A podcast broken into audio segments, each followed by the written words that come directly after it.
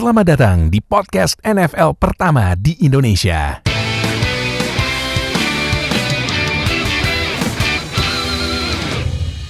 Baik sama gue pada host kalian di Zero Night Podcast. Nah, eh, kemarin udah nonton top 5 tim offensive line musim 2020. Saatnya sekarang kita bahas top 5 offensive line pro- rookie offensive line draft prospect. Buat draft karena kita bentar lagi mau masuk April. Nah, nanti akhir April tanggal 30 sampai tanggal Januari, Februari, Maret, April sampai tanggal 2 Mei draft tuh. Draft itu juga penting, lu harus nonton, jangan lupa match aja karena draft itu bisa menentukan masa depan tim lau, ya kan? Apalagi kalau tim tiba-tiba tim lo dapet uh, rookie yang bagus, nah siapa tahu dia jadi bakal jadi game changer tuh. Nah, jadi yaudah uh, sebelum mulai seperti biasa, Si- nah si Oka sama si Nuha nggak nonton hari pertama ya? apanya? Nggak nonton draft hari pertama kan? Oka sama Nuha. Oh iya, oh iya, Nggak nggak ada ya picknya ya? Gue tidur man, gue tidur. Oh iya, Rams sama Texans nggak ada ya? Ah, Eh, tapi oh ya kan NFL draft kan pas puasa ya, jadi ya gue bisa bangun siang lah. Oh iya lumayan ya. Oh iya bener juga. Lumayan dong tidurnya ya. Nah, eh tuh eh, balik lagi seperti biasa sama Julian sama Nuha buat kasih tahu Halo. draft prospeknya. Jadi oh ya eh, Nuha lagi nggak bisa kamera karena kameranya rusak jadi nggak apa-apa lah. Yang penting suaranya tetap jernih kan karena suara adalah kunci. Jadi udah. Kayak gitu langsung aja. Kita mulai. Nih uh, kan OL ada tackle, guard sama center. Ini mau gimana? Mau digabung apa per posisi? Per, digabung aja kali ya biar nggak kelamaan. Ya, Ya, Gabung aja ya? gabung aja. Oke. Nah, jadi udah dari Julian dulu, Jul. Lo peringkat 5 siapa? Uh, d- OL draft prospect lo. peringkat 5 ya. Mm-mm. Kalau gua ada Evan Jenkins dari Oklahoma State. Oklahoma State. Kenapa tuh? Dia posisi apa dulu? Posisi apa dulu? Posisi apa dulu? Iya. Oh, sorry. Ini berarti overall 5 itu tiga posisi ya?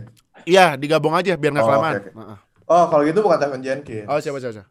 Jadi di pos- di nomor 5 gua all all line prospect gua ada ini dia menurut gua dia bakal mainnya di center di NFL. Oh.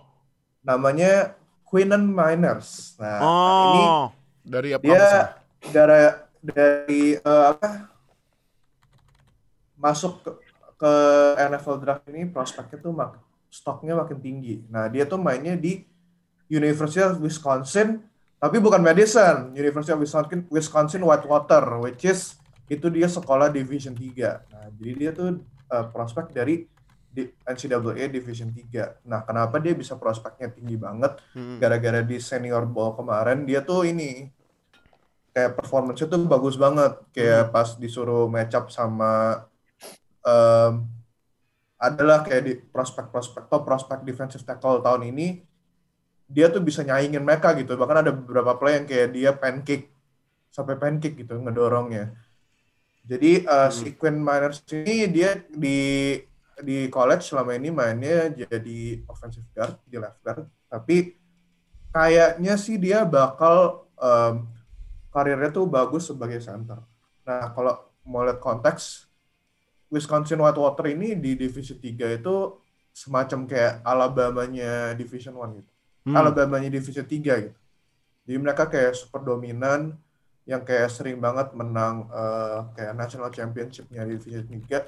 Jadi dia emang sebagai pemain division 3 tuh talentnya emang tinggi lah gitu.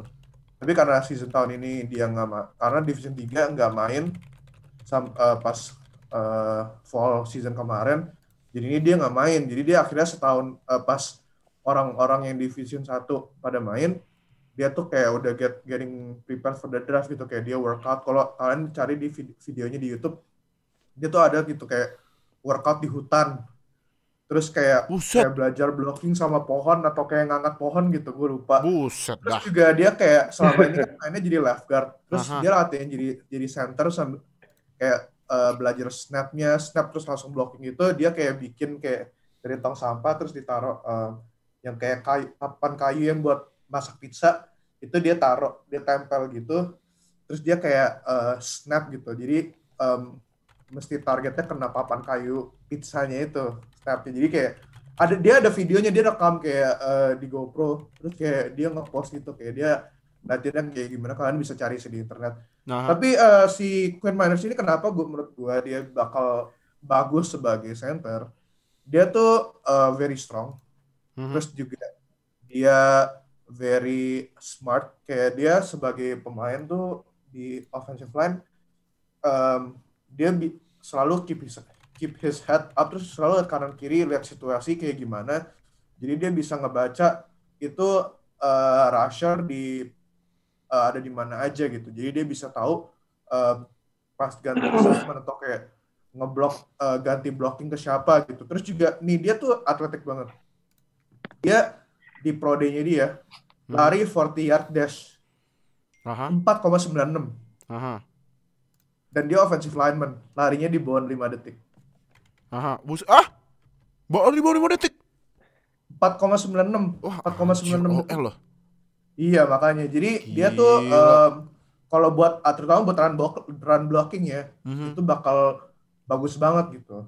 Terus Gila. juga kalau kal- eh, banyak-banyak eh, draft scout gitu bilang dia ini gara-gara em, latihannya itu walaupun dia nggak pernah main jadi center sama sekali, dia tuh dari snap terus tangannya langsung ke depan buat block itu cepet banget. Jadi dia nggak bakal em, kena disadvantage di saat setelah dia block gitu. Dia masih bisa eh, cukup cepat buat taruh tangan dia di depan dia untuk ngeblok eh, rush defensive tackle yang dia bakal hadapin gitu setelah snap bola. Mhm. Cuman masalahnya dia em, di kan selama ini mainnya di Division 3 ya, jadi dia masih lumayan raw gitu.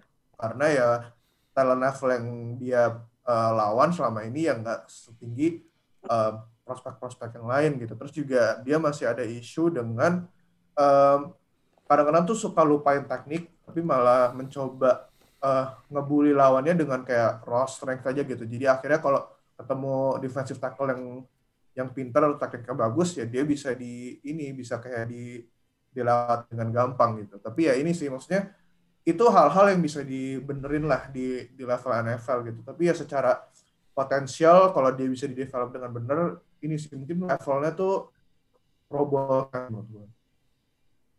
Hmm, oke, oke, oke. Dan dia, bakal available lah di di mungkin late second round tuh masih available. Makanya gue gue agak berharap sih kayak dia stay di Wisconsin. Hmm. Oke. Packers Yes. gantiin Corey Linsley kan. Aduh. Oh, oh iya, oh, dia bisa iya, dia bisa center ya. Iya. Ah, buat ngilin- ini ya, ngasih snap ke Rodgers. Oke. Tapi kalau dia projected ah, kalau kebanyakan mock draft dia projected round berapa? Di round 2 round 3 sih. Round 2 round 3 ya? Iya. Mungkin Hmm. ya mungkin ya kemungkinan bisa drop juga late round, eh, late third round. Tapi ya banyak banyak scout yang naksir sih sama dia. Jadi kayak mungkin second round, late second round, mid third round lah. Pre- Prediksi gua dia di posisi dia di draft. Hmm, oke oke oke. Nah, itu peringkat lima Julian. Nah, lu, lu siapa? Peringkat lima lu. Ini peringkatnya tuh tergantung dari per posisi kayak misalnya dua tackle, dua guard, satu center atau Gabung aja. gimana? Gabung aja. Oh, gabung aja. Oke, aja. gua Hmm. gua nomor 5 gua ada ya a little bit put a favorite here. Gua bakal taruh Walker Little dari University of Stanford. Hmm, kenapa tuh?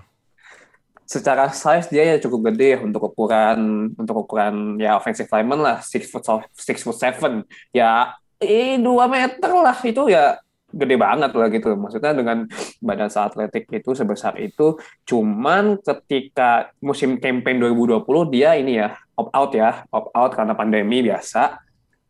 Tapi ka- karena sebelum sebelum dia opt out waktunya nggak main di Stanford pun sebelumnya tuh juga dia tuh nunjukin kalau dia di selama di college tuh awareness dia terhadap target target dia dalam dalam, ngejaga posisinya dia tuh juga bagus gitu. Awareness dia untuk melihat lihat defensive end untuk ya untuk awareness dia untuk melihat how he read the defense itu bagus. Gitu. blocking dia juga termasuk yang cukup bagus lah.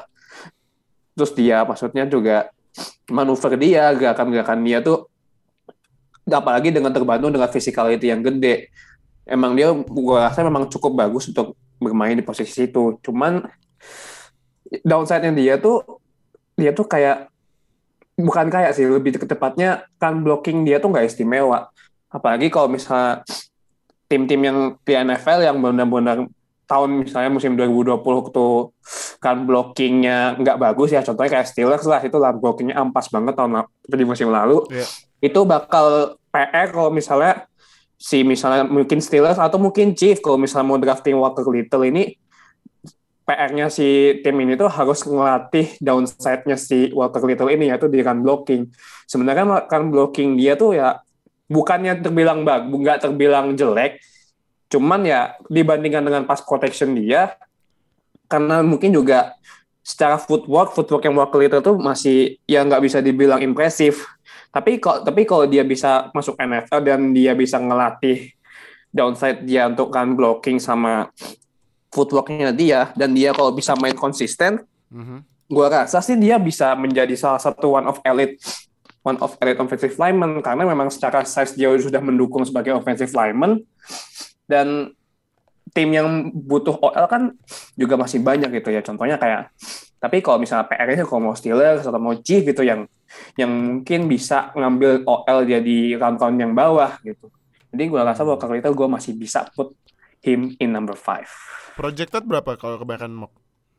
Kalau projectednya si Walker Little ini lebih ke second mid late second atau ya pokoknya late second lah. Jadi ya memang emang nggak terlalu gede untuk projected draft pick-nya, tapi gua rasa ceiling si Walker Little ini lumayan tinggi terlepas floor-nya tuh nggak terlalu nggak terlalu gede kayak mungkin kayak top kayak misalnya kayak Arya Tucker atau mungkin Tevin Jenkins bahkan kayak Alex Leatherwood pun floor mereka floornya mereka dari yang udah gua sebut itu jauh lebih tinggi daripada si Walker Little. Cuma gua melihat kemampuan dia untuk bisa improve di NFL tuh jauh lebih gede makanya ceiling dia cukup tinggi si Walker Little ini. Ah, oke oke oke. Sip. Nah, eh peringkat patut siapa? Jo. Kalau gue di nomor 4 ada ini, Oklahoma State, Tevin Jenkins. Oh, Kenapa Nah tuh? ini juga ini ya maksudnya draft prospek dia tuh semakin dekat ke draft tuh semakin tinggi gitu. Mungkin tadinya ada yang taruh dia di eh, mungkin akhir first round, awal-awal second round. Sekarang itu udah mulai naik ke kayak mid second round gitu Iya. di banyak mock draft. Dan emang ini sih maksudnya em, dia tuh rise in draft stocknya tuh very deserve gitu karena dia terutama kalau nonton kalau yang nonton college football bakal tahu gitu pas dia lawan Texas Tex- eh, Texas. Ada kan eh, defensive end-nya Texas Joseph Osai itu juga salah satu top eh, defensive edge defensive end prospect gitu. Sama si Tevin Jenkins ini beneran kayak di shutdown gitu. Kayak dia beneran nggak bisa ngapa-ngapain. Kayak eh, dia mau coba muterin kayak tetap di dijagain sama Tevin Jenkins terus mau coba di di power rush juga sama Tevin Jenkinsnya em, tetap kuat gitu nggak eh, nggak nggak nggak jatuh atau em, kedorong ke belakang. Ya itu akhirnya Joseph Osai eh, malah banyak yang kayak Scott tadinya mau nonton Joseph Osai malah ini malah notice-nya tuh si Tevin Jenkins ya gitu pas lihat tape-nya Joseph Osai lawan Oklahoma State. Nah si Tevin Jenkins ini tuh dia tuh footwork-nya tuh bagus banget. Aha. jadi dia secara eh, lateral move-nya itu ini dia makanya bisa keep up dengan curve-nya defensive edge, defensive end gitu. Kan kalau kalian nonton defensive end kan suka larinya kan gini ya. Iya, Nah, dia tuh dia agak tuh bisa ya. rot- rotate dan tetap tetap ini loh, tetap bisa keep up gitu dengan eh, swerve-nya la- eh, direction larinya defensive end gitu. Nah, itu juga em, eh, dari footwork-nya dia dan juga dia hand placement-nya membantu gitu yang dia bisa punya leverage untuk tetap eh, defensive end itu nggak bisa deket ke dia untuk taruh tangan dan ngedorong gitu. Jadi dia kayak inilah maksudnya placement tangannya bisa menghalangi tangannya si defensive end untuk eh, bisa ke badan dia gitu. Aha. Terus juga dia tuh nggak overcommit. Jadi dia udah sekali dorong misalnya, dia nggak langsung kayak coba dorong defensive end-nya sampai kayak jatuh atau kayak atau jauh banget gitu. Tapi ya dia dia dorong terus lihat pergerakannya gimana, terus kayak di dia react lagi ke defensive end-nya gitu. Jadi akhirnya em, dia nggak cuma sekali bisa nggak ngatasin move-nya defensive end, tapi dia bisa eh, tetap antisipasi gitu, di mana Hmm. terutama di bagian di place yang mana passing place itu pass protection-nya harus lumayan lama karena eh, QB-nya mungkin kayak eh, three step drop back misalnya atau kayak mungkin going through his, to his second read atau third read gitu ya makanya si si Evan Jenkins ini tetap bisa em, jagain sisi kanannya QB dia gitu. Hmm. Nah, cuman eh, mungkin dia mungkin lateral lateral movementnya bagus, tapi dia em, kalau when he's getting into the second level dia nggak terlalu bagus.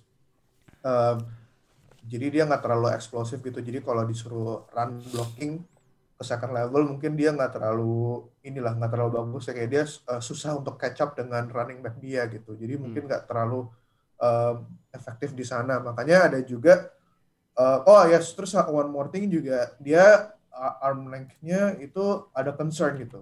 Hmm. Concern-nya adalah nggak cukup panjang buat jadi NFL level tackle gitu. Oh. Makanya ada yang proyeksiin dia di NFL bakal jadi guard.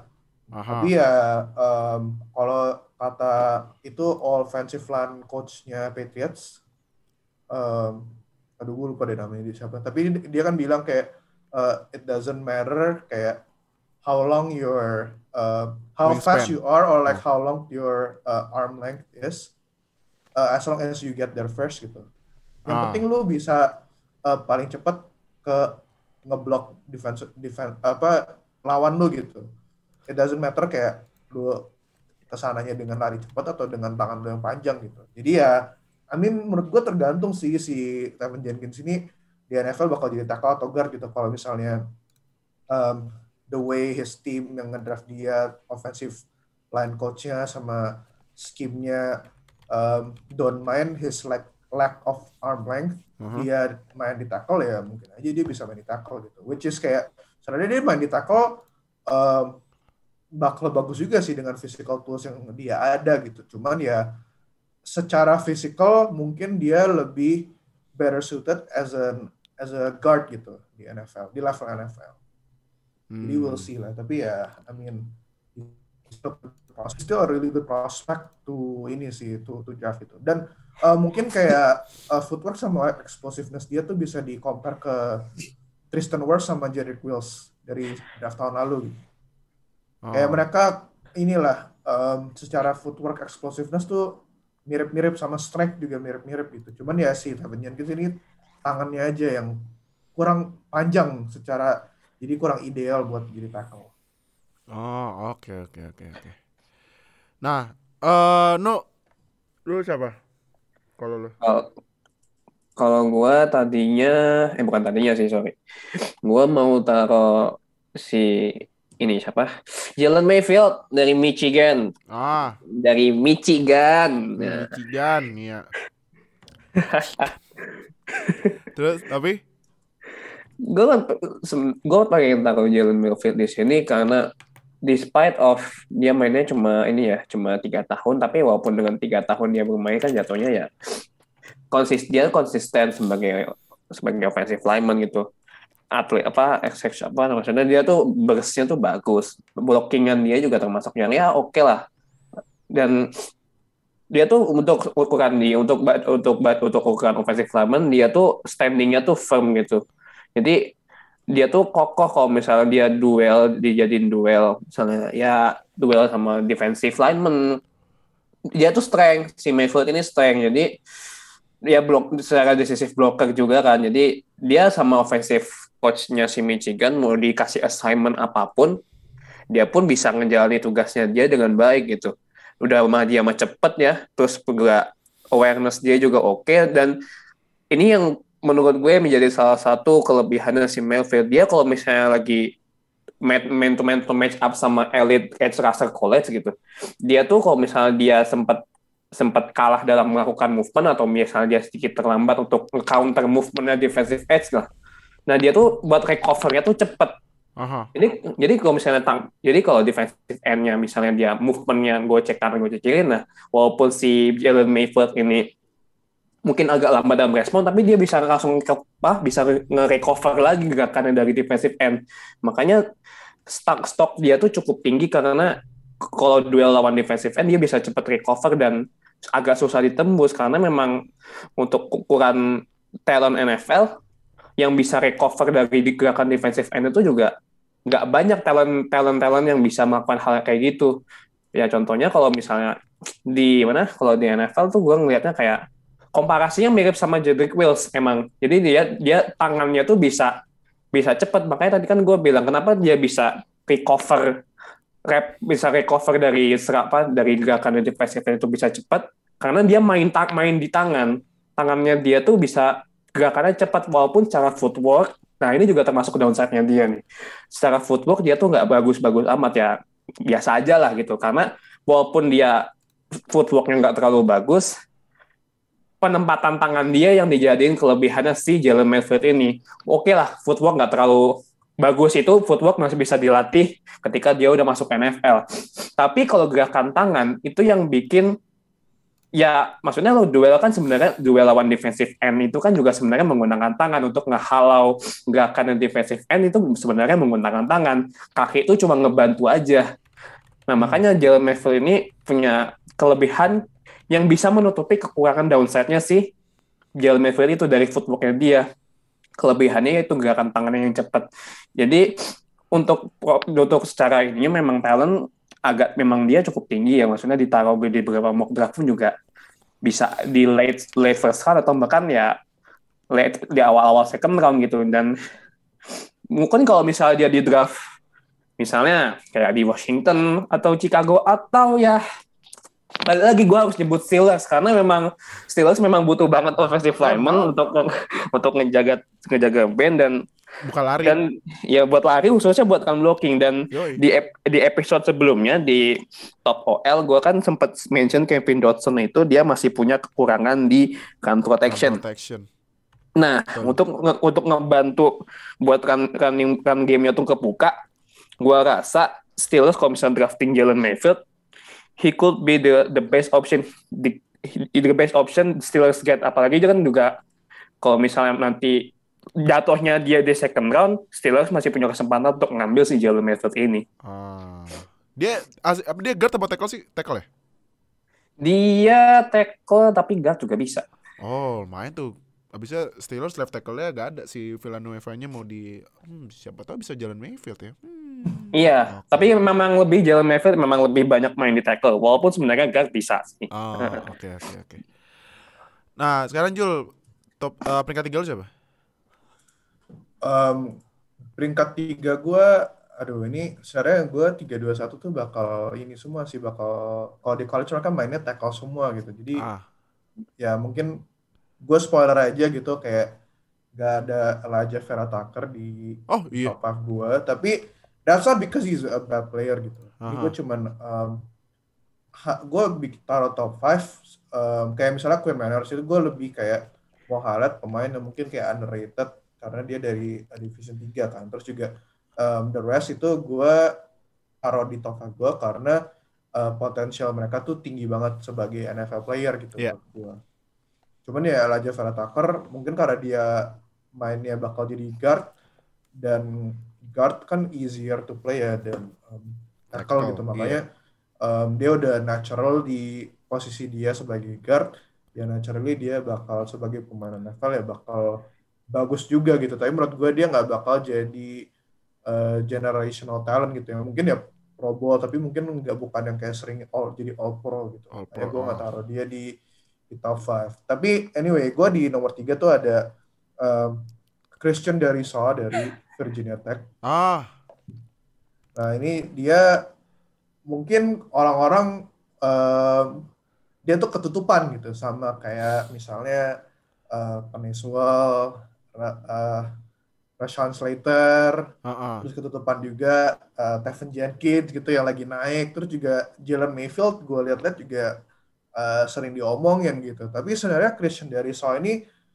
I would say dia em, inilah di belakang perat di belakangnya si Rashawn Slater sama sama Peniswell gitu. Dan mungkin kalau kita ngomongin tackle di NFL, Aha. mungkin si si Christian Deriso ini nomor dua di belakang Sewell. Oh, nomor dua. I'll tell you why. I'll tell you why. Bukan kita Slater. Ya, ntar, ntar pas kita ngomongin Ah, Slater, oke, oke, boleh, boleh, boleh. Nah, ini jadi Christian Deriso ini dia dia tuh um, walaupun tingginya six foot five, um, tapi mungkin dia tuh kalau di lapangan kelihatannya lebih pendek dari six, six foot five gitu. Tapi Oh. kenapa dia projectednya masih sebagai left tackle di NFL? Karena tangan dia tuh panjang, Aha. jadi cocok untuk jadi left tackle gitu. Aha. Dia juga ini lateral movement movementnya itu very smooth.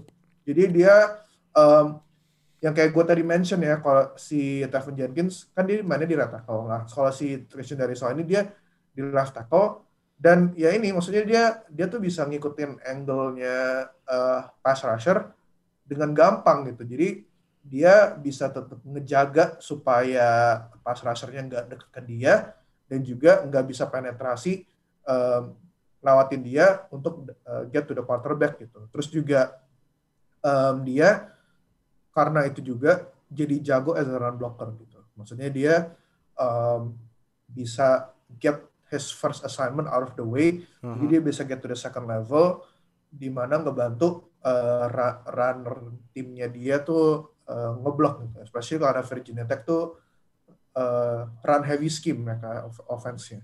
Hmm. Nah, si dari Shaw ini juga dia vertical set-nya tuh bagus. Jadi kan kalau offensive line tuh ada tiga, tiga ya. Jadi uh, jump set, 45 degree set, sama vertical set gitu Hmm. kalau mungkin yang kayak kalian sering lihat uh, offensive line mereka pas snap mereka tangannya gini terus kayak agak mundur gitu Iya, iya, iya, benar ya. itu vertical set namanya Hah. nah dia itu kalau pas ketemu pass rusher dia he's very good at setting vertical set gitu di mana Aha. dia uh, mundur dan karena emang movement uh, footworknya juga bagus dia tetap bisa maintain balance Aha. jadi akhirnya em, si defensive end ini nggak bisa taruh tangan dia di badannya Christian Deriso untuk dapat leverage gitu. Minimal si Christian Deriso dengan tangannya panjang Aha. bisa gitu em, tahan taruh tangannya di di di, tang- eh, di badannya defensive end. Makanya dia udah base-nya bagus.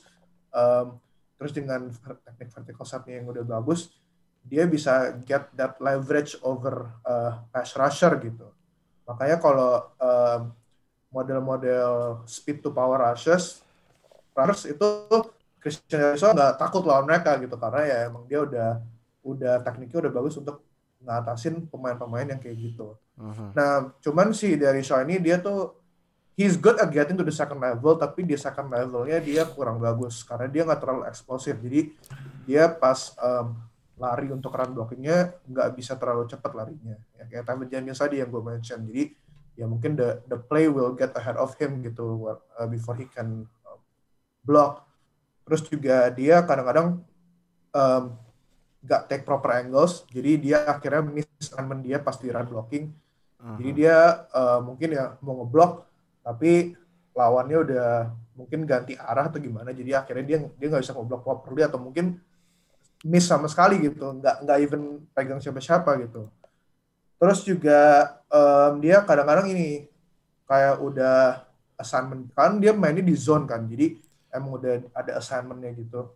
Nah dia udah udah finish his first assignment, udah dia kayak nggak hustle kayak nyari lagi siapa nih yang perlu diblok gitu. Jadi akhirnya mungkin nggak ada extra defender yang mungkin ada dia nggak recognize blitz, yang akhirnya kemis gitu. Nah itu yang jadi em, kendala dia di di college selama di Virginia Tech season 2019 ya.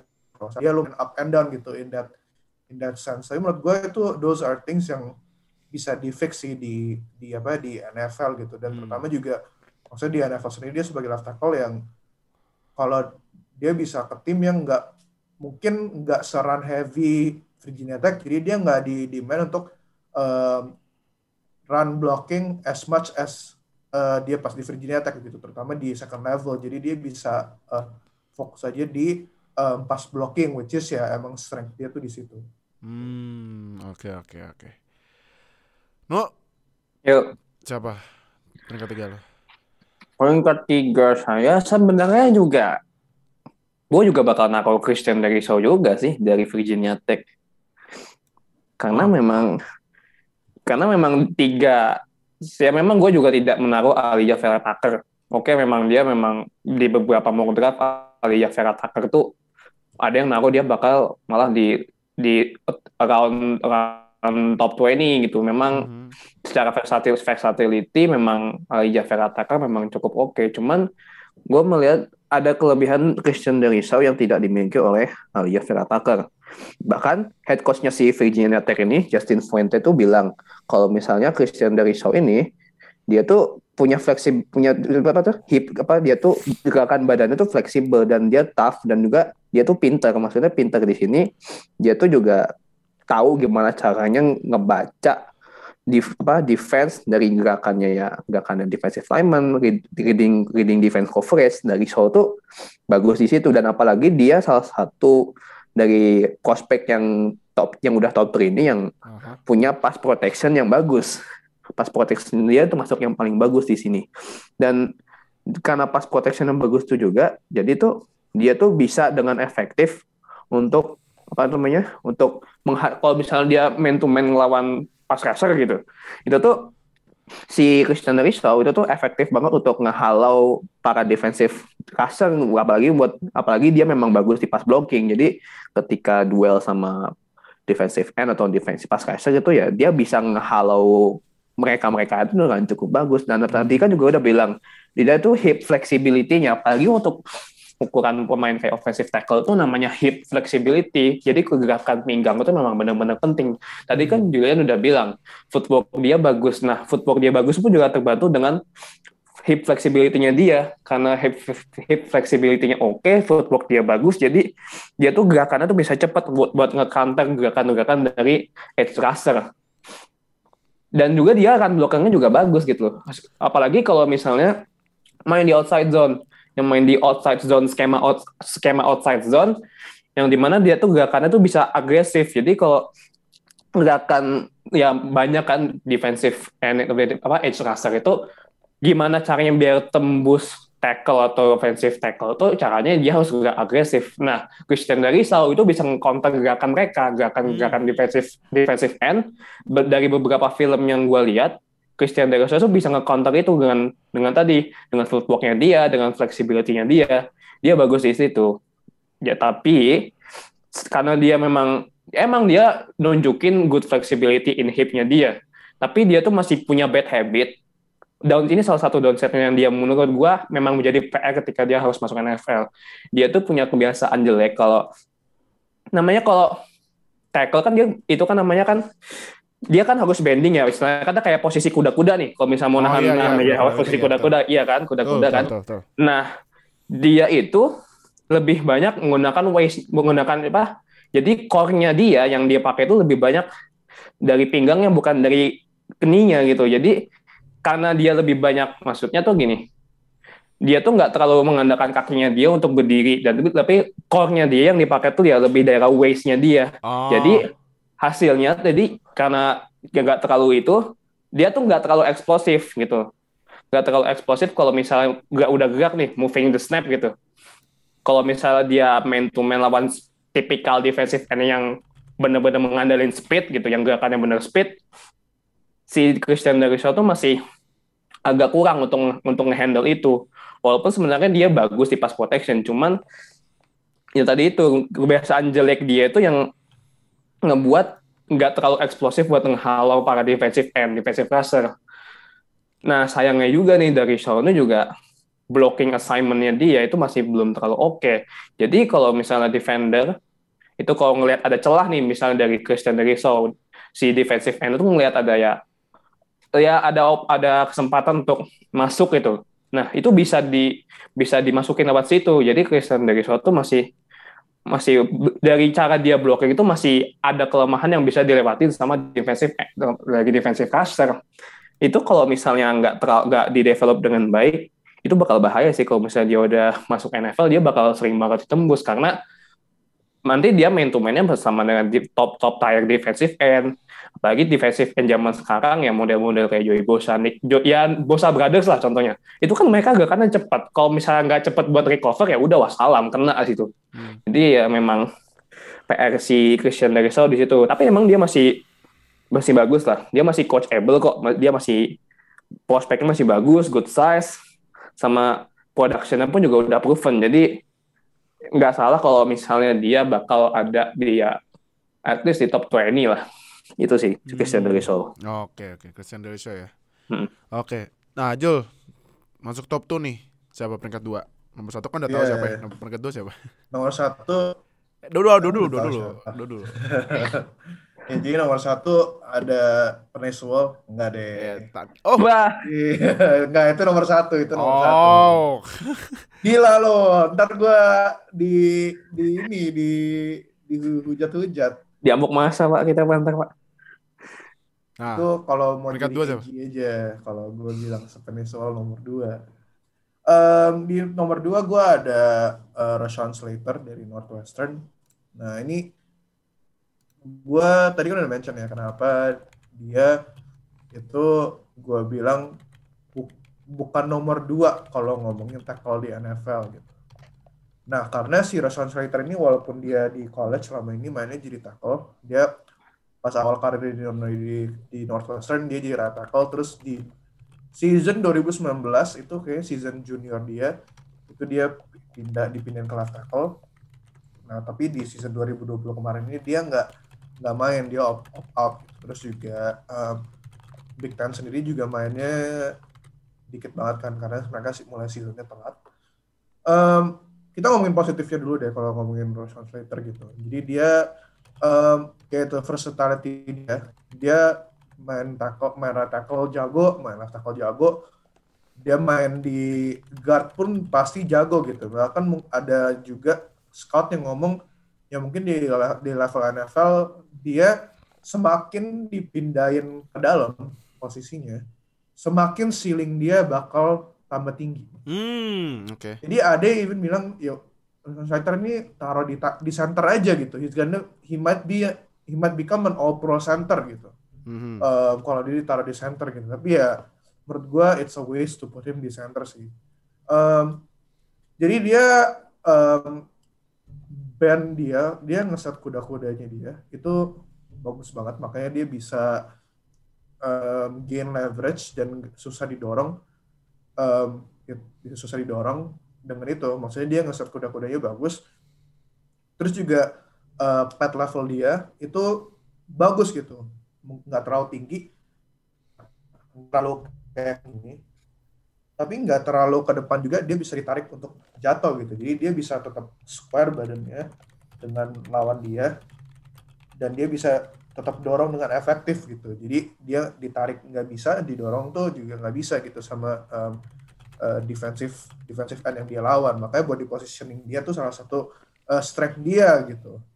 Uh, terus juga dia tuh very athletic dibanding uh, prospek-prospek yang udah gue mention barusan. Mhm. Dia getting into the second level bisa. Iya. Di second level dia juga jago gitu. Maksudnya dia bisa ngebantu uh, um, blocking atau mungkin uh, get rid of people yang mungkin bisa tackle runner dia gitu. Dia bisa bisa catch up lah dengan running back dia atau mungkin kalau screen kalau screen pass dengan wide receiver dia gitu. Mhm. Nah, terus juga dia ini I mean kalau gue taruh nomor 2 obviously lateral movement dia bagus kan. Jadi ya itu nggak perlu gue jabarin banyak-banyak deh. Mungkin untuk summarize strength-nya Rashawn Slater, gue cuma tinggal kasih stats-nya dia pas match up lawan Chase Young di 2019. Yes, benar, benar. di. Big Ten Championship pas Northwestern lawan Ohio State. Aha. Nih, walaupun Northwestern dibantai ya, 52 ya karena skornya. Tapi si Rashawn Slater lawan Chase Young, nih, statsnya Chase Young lawan pas lawan Slater, 0 sack, 0 quarterback hit, dan cuman dua quarterback hurries. Jadi beneran tuh. Chase Young di Big Ten Championship taken out of the game kalau pas lawan Rashawn Slater gitu, kayak nggak bisa ngapa-ngapain. Ya maksudnya kita udah lihat lah ya kualitasnya Rashawn Slater gitu. Cuman ya concern dia adalah um, ini sih um, dia tuh kayak Tevin Jenkins gitu ada concern di uh, panjang tangannya. Jadi ya dia he's athletic enough untuk uh, inilah maksudnya get close to his uh, the to the defensive end he's facing with. Tapi ada concern di level NFL dia bakal kesusahan dengan tangannya yang uh, kurang panjang dari idealnya NFL left tackle gitu makanya banyak scout yang bilang better dia dimasuk di dimasukin ke depan gitu kayak um, jadi guard atau mungkin jadi center gitu. Tapi ya ini sih maksudnya yang kayak gue tadi bilang Tevin Jenkins ya kayak tergantung timnya um, suka atau enggak dengan measurement dia dan main uh, mereka main atau enggak gitu putting someone with his measurement di posisi left tackle gitu. Tapi regardless ya ini sih maksudnya seal, uh, floor dia sendiri itu udah tinggi gitu dan ceiling dia sebagai left tackle pun juga menurut gue udah cukup tinggi gitu. Makanya gue taruh dia di nomor dua gitu. Karena menurut gue walaupun ya ide uh, measurementnya kurang ideal kalau kita lihat di history NFL banyak pemain yang pas sebelum di draft measurementnya kurang ideal tapi akhirnya mereka juga end up being very good gitu. Jadi ya ini sih bukan sesuatu yang oh gila gara-gara gara-gara dia thing udahlah dia drop kayak ke late first round gitu. Nggak juga. Iya oh oke okay, oke okay, oke. okay. Gue juga gue nonton tuh yang pas workoutnya dia yang tahun berapa dari 2019 2018 ya yang dia dorong pelatih gue kira diajak ribut pelatih ngapa gue kaget lu kenapa terus yang, ini, yang, yang sering apa lately lagi viral juga yang itu yang dia yang dia squat kayak iya, iya. enam ratusan pounds ya. Iya, gila, ya. gila, gila. Dan itu videonya di mana-mana tuh. Waktu yang si Rashawn Slater yang ada squad itu tuh videonya ada di, di Twitter ada, Instagram ada. Iya makanya tapi yang kocak yang sebelumnya ya sebelum sebelum ngangkat orang pelatihnya gue kira pelatih mau ditonjok. Hmm, lu ngapain lu di belakang gue anjir. No lu siapa? Ah, sama Roshan Slater atau ada lagi atau mungkin beda? Abisnya Ntar ya, gue gue baru nggak nggak ada yang masukin senternya Mike Jones kemarin ya. Si siapa namanya? Si ini siapa namanya? Si, siapa White Tyler ya? Alex eh bukan Alex, sorry. Bukan Alex. Alex ini, Leatherwood. Bukan bukan bukan Alex Leatherwood. Si Landon Dickerson. Iya, Dickerson gak ada yang masukin ya kalau udah disebutin semuanya berarti ya nggak ada dong. Oh, oke oke oke. Abisnya kan dia namanya juga ya walaupun karena jagoin jagain Mac Jones sempat di mention cuman kalau nggak masuk nggak apa-apa. Nah, iya. tapi kalau di ini kan di episode yang running back atau QB ya gue mention kayak offensive line-nya Alabama di season kan emang nggak nggak terlalu spesial. Nggak terlalu spesial ya? Iya emang nggak terlalu spesial. Eh, grade grade mereka nggak ada yang di first round nih, setahu seingat yeah. gue ya. Yeah, kalau yeah. gue banyak baca mock draft sama denger kayak scout analis gitu mm-hmm. um, pada ini sih pada kalah karena ya ini maksudnya top top three prospeknya sendiri di posisi tackle terus di posisi guard itu walaupun mereka bukan dari sekolah Alabama dan mungkin sekolahnya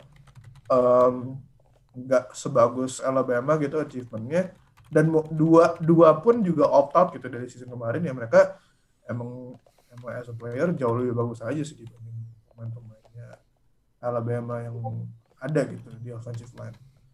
Jadi hmm. ya iya. mau gimana sih kak? Ya karena emang kan kita evaluasi pemain ya bukan timnya. Iya benar. Oke. No lu juga ini uh, nomor dua Russian Slater. Ya, gue nomor dua juga taruh Rashawn Slater dari Northwestern. Tapi mungkin kalau case-nya, maksudnya perhitungan top 5 kita tuh kayak perhitungan gue ketika peng, cara menghitung dari top 5 rookie. Jadi dengan sesuai posisi ya, nggak kedua, tackle dua, center satu, mungkin si si London Dickerson ini bakal masuk consideration 2 as a top center. Bisa jadi loh. Karena hmm. Si Raswan Slater, ini gue, gue langsung nyambung langsung saya ke Raswan Slater nih. Oh. Raswan Slater ini emang dia tuh he could play in all position as offensive lineman gitu tackle bisa guard bisa center bisa mungkin karena lag karena tadi kan isunya dia juga udah disebut sama Julian dan ini memang isunya tuh ya memang udah isu downside yang menurut gue emang udah gak bisa diubah lagi tangannya pendek emang caranya lu memanjangin tangan lu gimana?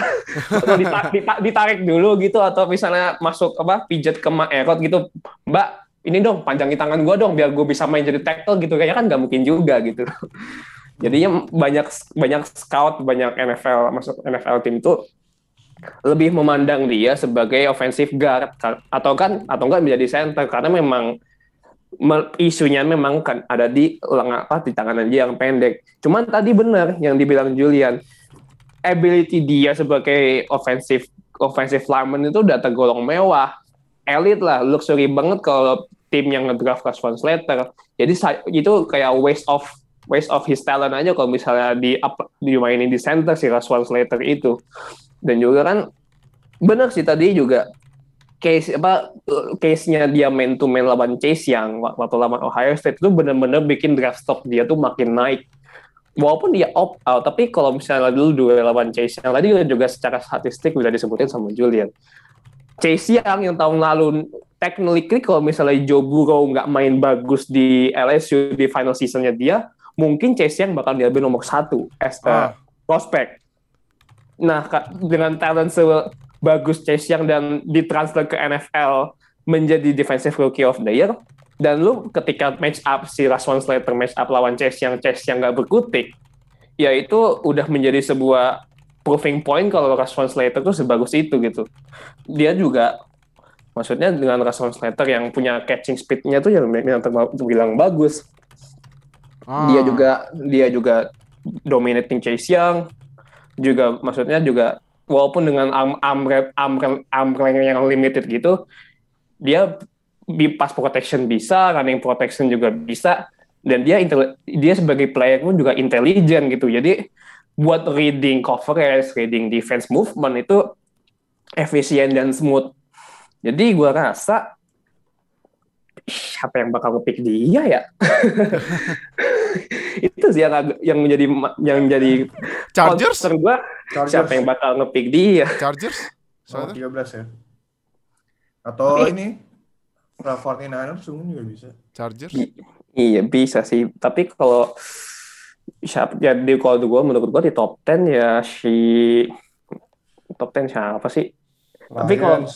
iya Li- Lions tapi mereka nggak terlalu maksudnya secara mock draft memang nggak banyak concern tentang offensive lineman sih. Tapi jadi ya mungkin bisa jatuh ke mid 10 tapi, mem- tapi memang siapa pun yang ngambil Rashawn Slater karena mungkin kalau misalnya rookie season dia nih nanti nih ketika dia udah main mungkin kalau dia masih tim NFL ini masih concern dengan angle-nya dia mungkin bisa ditaruh sebagai offensive guard terlebih dahulu. Nggak apa-apa sih bukan menurut gua ya bisa menjadi learning point dia sebagai uh, rookie di NFL tapi gua rasa memang ketika nanti the time is set dia udah, udah harus main di posisi offensive tackle karena ya memang as a talent paling komplit di bawah mungkin bisa dibilang paling komplit ya menurut gue di top 5 di top 5 gue walaupun sebenarnya Penny Sewell dia bagus tapi ya cuma di in certain position aja nah si Rashawn Slater is more versatile and complete menurut gue sih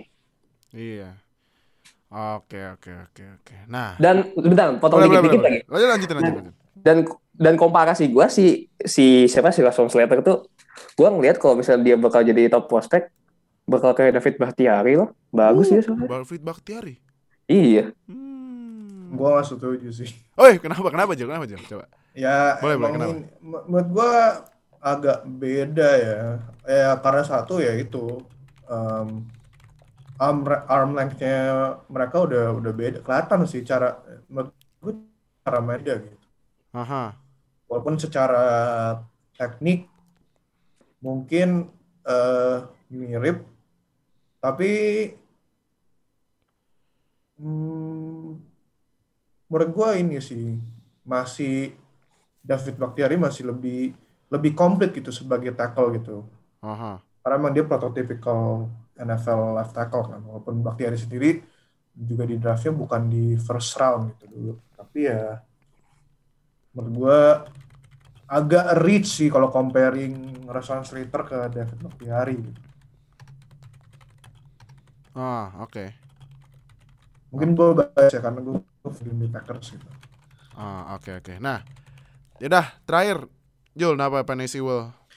Ya. Penesual ini nggak perlu banyak-banyak ngomong lah, tapi dia sebagai offensive lineman doesn't move like an offensive lineman gitu. Mungkin kalau kalian yang nonton NBA juga bakal ngelihat dia sebagai mungkin ini ya center yang bisa lari movementnya tuh juga jago gitu. Siapa ya kalau di NBA ya sekarang? ya?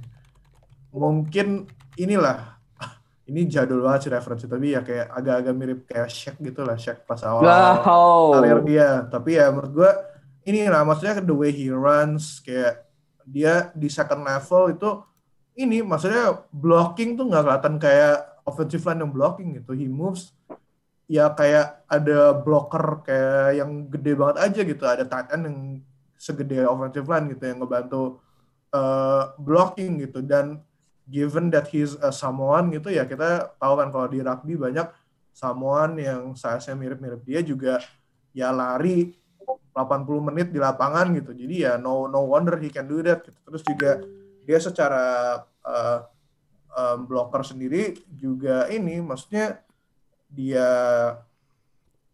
footworknya bagus, lateral movementnya bagus, terus juga dia leverage badannya bagus gitu kayak susah dipenetrasi. Jadi nggak nggak banyak ini ya maksudnya inilah I would say is complete gitu. Kayak um, walaupun dia nggak main di season 2020 ya mungkin kayak uh, developmentnya setahun tapi ya he's still very young gitu. He's only 20 umurnya dan menurut gua ya dia ini sih ya very he's a very complete player gitu. Dan um, kekurangan dia juga sebenarnya nggak banyak gitu ya. Paling cuman hand placement aja yang kadang-kadang dia masih agak terlalu lebar.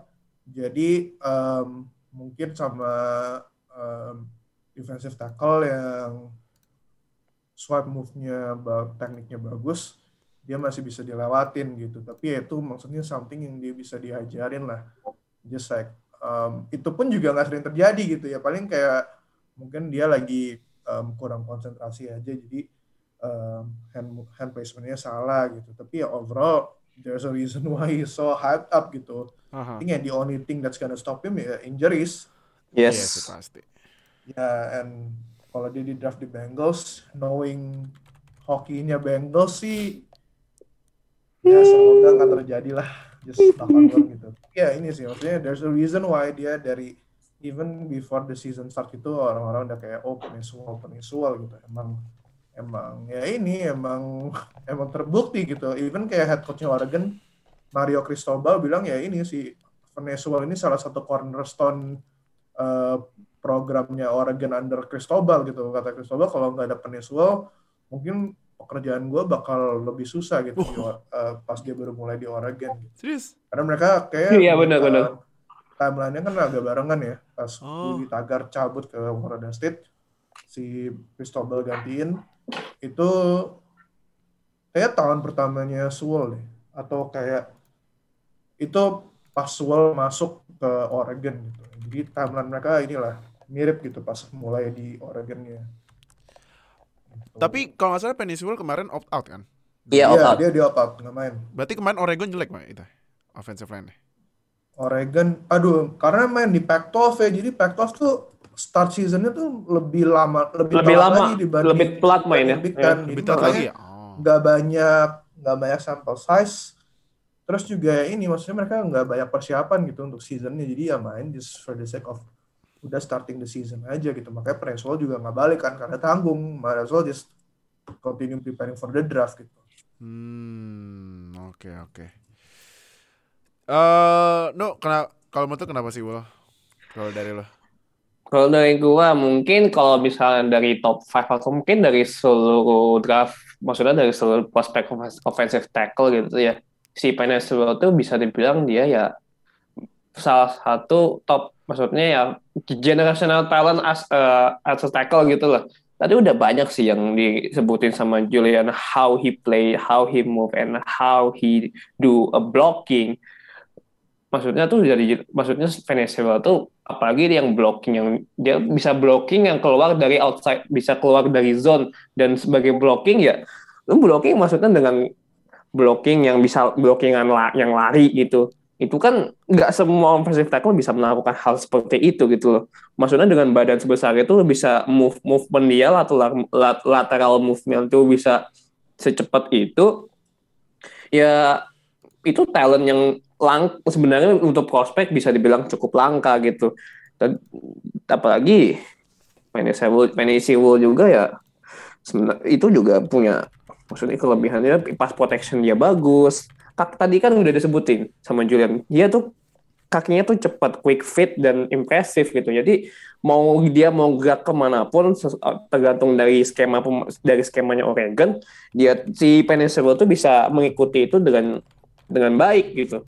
Jadi ya ini ini yang drafting si Sewell, he could be your franchise player as offensive tackle for many years to come.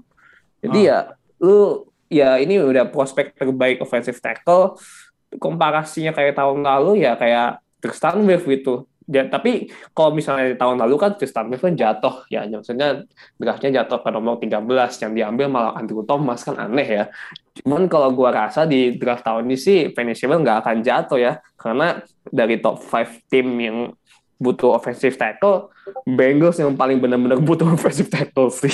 Beng benar-benar ya Ah. they, they have to protect Joe Burrow Buro. in, in any cost gitu ya. Iya, iya, iya, iya. Offensive lineman yang Bengals sudah nggak bisa diharapin lagi, apalagi posisi left tackle, posisi tackle sih secara keseluruhan entah itu left tackle atau right tackle-nya si Bengals itu caur banget sih buat ngejaga Burrow tahun lalu. Nah, berarti terakhir deh. Eh, kan karena udah top 5 ya. Ya. Berarti fix nih Bengals. Eh Bengals ini apa? eh Bengals ambil Penny Sewell. Bisa aja ambil Kyle Pitts. Oh. Ya, ya, ini udah sih, kan ini nggak ada nggak kan? Menurut gua nggak ada salahnya loh Nggak ada salahnya, nggak ada salahnya. Apalagi sebenarnya Bengals ini juga masih ada beberapa mock draft yang mungkin mungkin bakal ngambil receiver lagi karena kan mereka juga baru hilang AJ Green kan. Ya j- yang jatuh paling ya kalau nggak Jamar Chase, Devonta Smith atau mungkin Jalen Waddle bisa. Tapi kalau in my personal opinion ya kalau mereka mau ngejaga quarterback mereka yang yang so- they call so called franchise quarterback yang di tahun pertama udah langsung jadiin kapten ya mereka harus take, mereka harus ngambil Penny Sewell sih. Masalahnya gini, Ah, kita ngomongin Bengals ngambil Peninsula atau enggak. Emangnya Falcons bisa ngebahas pasti nggak ngambil Peninsula. Ya iya, Ah, Falcons pick keempat ya? pick keempat bener. Ah, ini menarik sih. Tapi ah, cuman ini gue bahas kalau nanya ini ini ya, Oot ya. Eh, Falcons ambil OL. Oh, bisa jadi ya. Bisa, bisa ikut be the case karena memang tadi kan banyak mock draft yang kalau misalnya Falcons tuh bakal ngambil quarterback lah. Pokoknya buat ya buat persiapan mereka untuk apa untuk ngeganti Matt Ryan. Cuman gua ngeliatnya Falcons belum ada kebutuhan untuk mengganti Matt Ryan sih karena Matt Ryan tuh juga masih capable doing his play. Jadi ya bisa jadi mereka juga ngambil offensive tackle sih. Oh, oke oke oke oke. Hmm, ini Wah, ini menarik ya. Kalau tahu-tahu gitu kan, Menarik. with the fourth pick of 2021 2021 NFL draft, the Atlanta Falcons select Penny Sewell. Gue so, Bengals, you screw up big time, anjir gue so, ah gila. Bengals. Bentar, walaupun Penny, misalnya Penny Sewell udah diambil duluan kan masih ada Ras- Rashawn Rashawn Slater. Slater ya? ah, oke bisa sih, bisa sih, bisa, bisa, bisa. Nah, oke. Atau mung- atau mungkin Jets ngambil Peninsula. Ah, buatan ini ya dua sama Mike loh. Mekhi Becton ya. itu Iya. itu itu bisa loh itu juga banyak beberapa analis yang juga bilang kalau misalnya Penny Sewell tuh sebenarnya bakal ditaruh di nomor 2 bukan di nomor 5 Jadi Gila. jadi ya Jets stick with Sam Darnold gitu. Terus atau uh, ya Jets stick, Jets stick with Sam Darnold terus ngedraft Peninsula gitu. Iya sih, kalau gue menurut, menurut gue sih mending gitu aja daripada ya Darnold sebenarnya masih bisa dilatih sih. Tapi tinggal tunggu butuh OL-nya aja. Terus juga kan uh, offensive coordinatornya Jets kan sekarang Mike LaFleur kan yang Ya Mike LaFleur ya. Kyle, Ya. Kyle, Kyle Shanahan 3 gitu dan Nah, skimnya Kyle Shanahan kan kalau maksudnya QB yang average pun bisa kelihatan bagus gitu. betul Dan betul betul. Kenapa yang sama nggak bisa terjadi dengan Sam Darnold gitu? Belum lagi ditambah weaponnya lumayan kan Jets di free agency Ah. ngambilnya kan. yo Nah, jadi sebenarnya kalau menurut gue ya, menurut gue kalau di draft itu gue yang lebih menarik itu OL sih market OL. Habisnya market OL tuh banyak tim butuh banyak juga. Ini mock draft yang bisa naruh apa bisa tahu bisa berubah banyak gitu. Eric. Eric Fisher aja belum sign kan? Nah, Belum. Mitchell Schwartz aja belum. Nah, kalau misal sampai kita ini ya, sampai ini di rilis ya.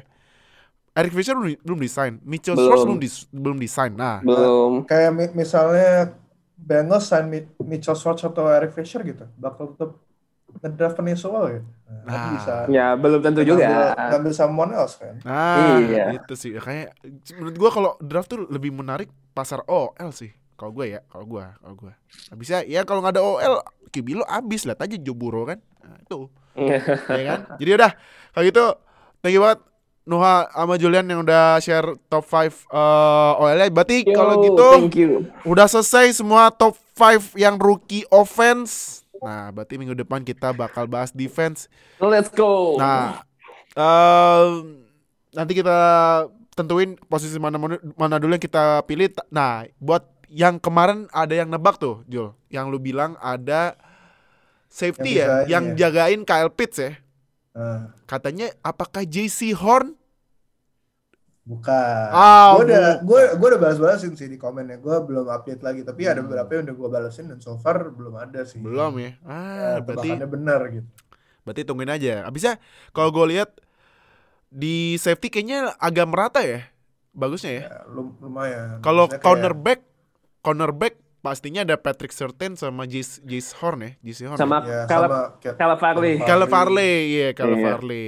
Kalau linebacker, kalau linebacker, nah linebacker siapa nih? Kayaknya linebacker juga lumayan seimbang ya. linebacker ada ini sih. Yang nomor satunya yang pasti, aduh, di spoiler ya nih. Ya ada ini Micah Parsons dari Micha Parson, Dari Penn- ya, Penn State. Micah Parsons dari Oh, Penn Micah State yang- Parson, iya Micah Parson. Ya, yang yang ini maksudnya kayak sebenarnya dia potentially di top 10 tapi gak banyak orang yang ngomongin gitu. Iya, Gara-gara- iya. nggak tahu sih, kenapa. nah. Tapi ya emang ini sih di season tuh offensive talentnya tuh banyak banget. Maksudnya makanya di sebenarnya di top 10 bisa aja gitu diambil yang diambil semuanya offensive player. Mhm. Cuman ya Micah Parsons sendiri ini review aja deh. Kan kita bakal ngomongin juga di linebacker. Iya, Micah boleh, Parsons sendiri pas dia di pas dia tahun terakhir di high school pas masih keliling sekolah, gue nonton dia pas dia datang ke Nebraska gitu. Kayak ada open camp buat kayak high school recruits. Gue nonton salah satunya ada Micah Parsons. Dia kan oh, dia pas itu ya outside linebacker defensive end kan pas um, sebagai high school recruit. Tapi itu woy, dia ada di drill lawan wide receiver Mhm. ikutan ikutan terus kayak dia ngecover wide receiver one one on one gitu Oh, dan dia bisa keep up terus ada beberapa kali dia kayak eh, apa pasnya kayak di di di ini di tepis gitu terus atau ada yang hampir di interception gitu jadi makanya dia ini sebagai one linebacker kenapa di nomor satu karena not only dia ja, rushingnya lumayan bagus well nggak lumayan sih rushingnya bagus tapi dia pass coverage skillnya juga bagus gitu. Ah, oke. dia salah satu inilah top defensive talent gitu di di draft ini. Oke. Terakhir kalau defensive line siapa sih sekarang yang uh, main? Defensive line ada Levi Onzubuku ya. Oh iya itu sama ini apa? University of Washington. Washington.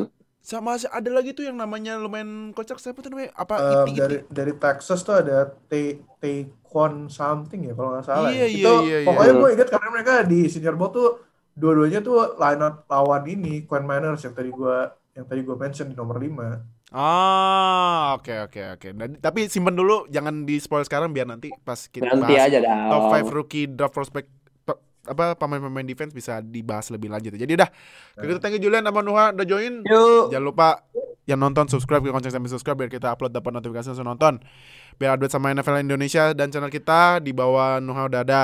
So- semua sosial media join aja nggak usah malu-malu. Yang dengerin di Spotify audio only langsung follow biar kita upload dapat not- notifikasi. Jadi udah, thank you udah nonton dan dengerin. See you di episode selanjutnya ya. Bye. Bye.